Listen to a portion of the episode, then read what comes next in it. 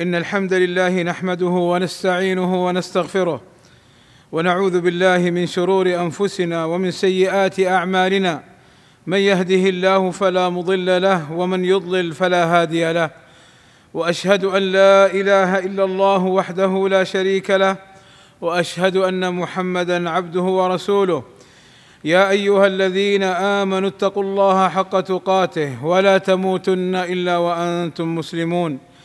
يا أيها الناس اتقوا ربكم الذي خلقكم من نفس واحدة وخلق منها زوجها وبث منهما رجالا كثيرا ونساء واتقوا الله الذي تساءلون به والأرحام إن الله كان عليكم رقيبا إن أصدق الكلام كلام الله وخير الهدى هدى محمد صلى الله عليه وسلم وشر الأمور محدثاتها وكل محدثة بدعة وكل بدعة ضلالة وكل ضلالة في النار. أما بعد فإن أكل المال الحرام كبيرة من كبائر الذنوب متوعد صاحبها بالنار.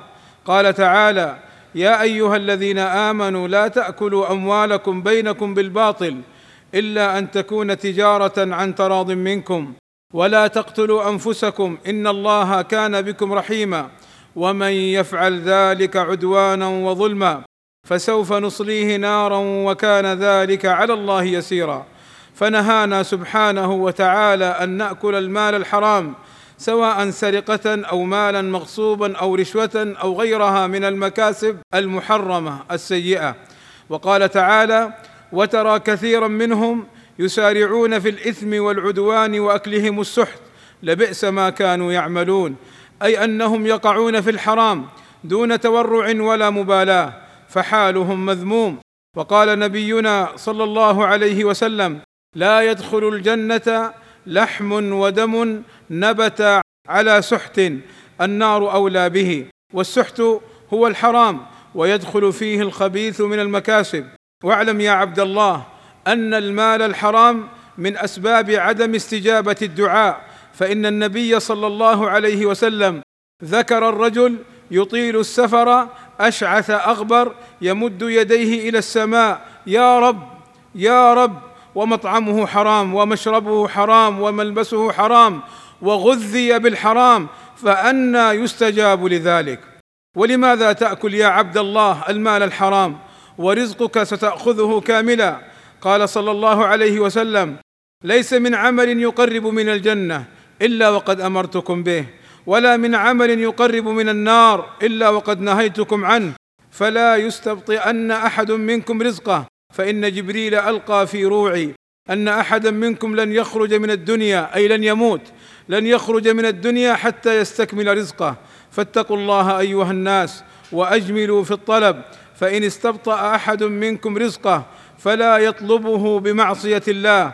فإن الله لا ينال فضله بمعصيته. وليس الغنى بكثرة ما تملك.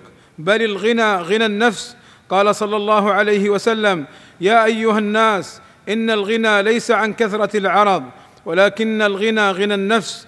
وإن الله عز وجل يؤتي عبده ما كتب له من الرزق فأجملوا في الطلب. خذوا ما حل ودعوا ما حرم. واعلم يا عبد الله أننا سنسأل يوم القيامة عمن ملكناه في الدنيا من مال وغيره قال صلى الله عليه وسلم لا يزول قدم ابن آدم يوم القيامة حتى يسأل عن عمره فيما أفناه وعن شبابه فيما أبلاه وعن ماله من أين اكتسبه وفيما أنفقه وماذا عمل فيما علم. والله أسأل لي ولكم التوفيق والسداد وأن يغفر لنا الذنوب والآثام إنه سميع مجيب الدعاء. الحمد لله رب العالمين والصلاة والسلام على المبعوث رحمة للعالمين وعلى آله وصحبه أجمعين عباد الله. إن من صور أكل المال الحرام الرشوة وهي كل مال يدفع ليتحصل عن طريقه على ما لا يجوز وفيما يتوصل به إلى إبطال حق أو تمشية باطل. والرشوة كبيرة من كبائر الذنوب فآخذها ومعطيها ملعونان. قال صلى الله عليه وسلم لعنة الله على الراشي والمرتشي والرشوة داء فتاك يفسد المجتمع وينشر الغش والظلم وفيها تضييع للحقوق وتعين الظالم على ظلمه وليحذر المسلم من الرشوة سواء كان موظفا أو قاضيا أو تولى امرا والرشوة فيها ظلم وفيها أكل مال حرام وفيها إفساد للمجتمع وفيها تسليط للظالم وتضييع لحق المظلوم وسبب للهلاك والخسران في الدنيا والآخرة. فلا تقع فيها يا عبد الله. فإن طلب منك أحد أن تدفع له الرشوة فانصحه وذكره بأنها حرام. فإن أصر فأبلغ الجهات المختصة لتكف شره عنك وعن الناس. فهو يتسلط على مال الناس بهذه الطريقة الخبيثة الدنيئة. فالحذر الحذر من إعطاء الرشوة أو أخذها أو الإعانة عليها فمن وقع فيها فهو ملعون.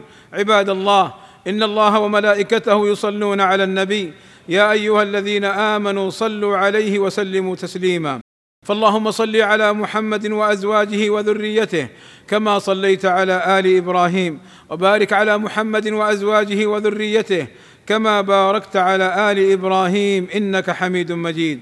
وارض اللهم عن الخلفاء الراشدين أبي بكر وعمر وعثمان وعلي. وعن جميع أصحاب النبي صلى الله عليه وسلم والتابعين لهم بإحسان وعنا معهم بمنك وكرمك. اللهم آتنا في الدنيا حسنة وفي الآخرة حسنة وقنا عذاب النار. اللهم فرج همومنا واكشف كروبنا ويسر أمورنا. اللهم اغفر للمسلمين والمسلمات والمؤمنين والمؤمنات الأحياء منهم والأموات. اللهم وفق ولي أمرنا الملك سلمان بن عبد العزيز. وولي عهده الأمير محمد بن سلمان لما تحبه وترضاه وأصلح بهما البلاد والعباد واحفظهما من كل سوء. اللهم أيدهما بتأييدك ووفقهما بتوفيقك وأعز بهما الإسلام والمسلمين. والصلاة والسلام على المبعوث رحمة للعالمين والحمد لله رب العالمين.